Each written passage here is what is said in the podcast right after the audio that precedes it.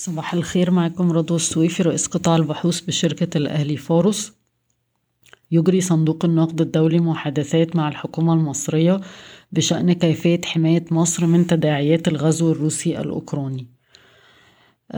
حظرت وزارة التجارة تصدير السلع الغذائية الأساسية لمدة ثلاثة أشهر مع سعيها لدعم الإمدادات وسط الاضطرابات في سوق الغذاء العالمي. سجل معدل التضخم الأساسي السنوي الذي لا يشمل أسعار السلع المتقلبة سبعة واتنين من عشرة في المية في فبراير مقارنة من عشرة في المية في يناير. لم تتأثر عائدات قناة السويس حتى الآن باندلاع الحرب بين روسيا وأوكرانيا لأن الحركة التجارية مستمرة في البحر الأسود. تتوقع وزارة الزراعة أن يصل إجمالي إنتاج مصر من القمح إلى نحو عشرة مليون طن هذا العام. يجتمع بنك الاحتياطي الفيدرالي في الاجتماع السياسة النقدية لشهر مارس يوم الثلاث والأربع من هذا الأسبوع ومن المتوقع رفع سعر الفايدة بمقدار ربع نقطة لبدء دورة التجديد في محاولة للسيطرة على التضخم. من المرجح أن يخفض صندوق النقد الدولي من توقعاته لنمو الاقتصاد العالمي بسبب الصراع في أوكرانيا. وقعت فوري عقد مع شركة مصر لتأمينات الحياة لتحصيل أقساط التأمين من خلال شبكة فوري. رايا Contact Center نتائج لأعمال لعام عشرين واحد وعشرين صافي الربح تلاتة وعشرين وسبعة من عشرة مليون جنيه بانخفاض أربعة وخمسين في المية على أساس سنوي بسبب ارتفاع المشروعات ذات الهامش المنخفض وارتفاع نفقات التشغيل كنسبة من المبيعات. وارتفاع مصروفات الفوائد وكان في كمان خسائر في سعر الصرف حوالي اتنين ونص مليون جنيه. السهم بيتم تداوله تقريبا عند سبع مرات مضاعف ربحية لعام عشرين اتنين وعشرين.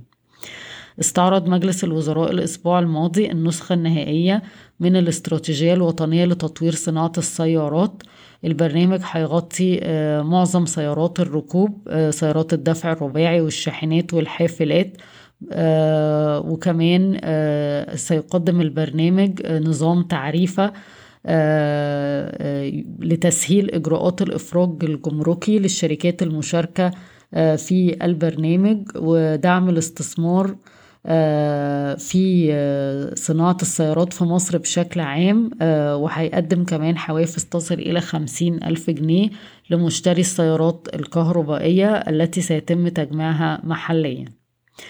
إعادة رسوم الإغراق المفروضة على واردات حديد التسليح صراع جديد بين المنتجين والتجار حول تجديدها لأن هي المفروض أنها تنتهي في يونيو عشرين اتنين وعشرين. شركة بلدنا القطرية عايزة تزود حصتها في جهينة تدريجيا بحيث يكون عندها ممثل في مجلس إدارة جهينة.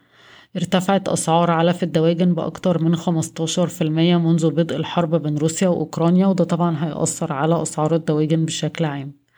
أدت القفزات المستمرة في أسعار القمح إلى ارتفاع أسعار النخالة وصلت النخالة 6000 جنيه للطن من من وشوية قبل كده وكمان ارتفعت أسعار الدقيق واللي وصلت من 900 ل 9700 جنيه للطن. وده طبعا هيأثر على مدخلات الإنتاج بالنسبة للشركات اللي بتستعمل الدقيق. المطورون العقاريون بيتوقعوا ارتفاع أسعار العقارات من 15 ل 20% في عام 2022 في ظل ارتفاع أسعار مواد البناء.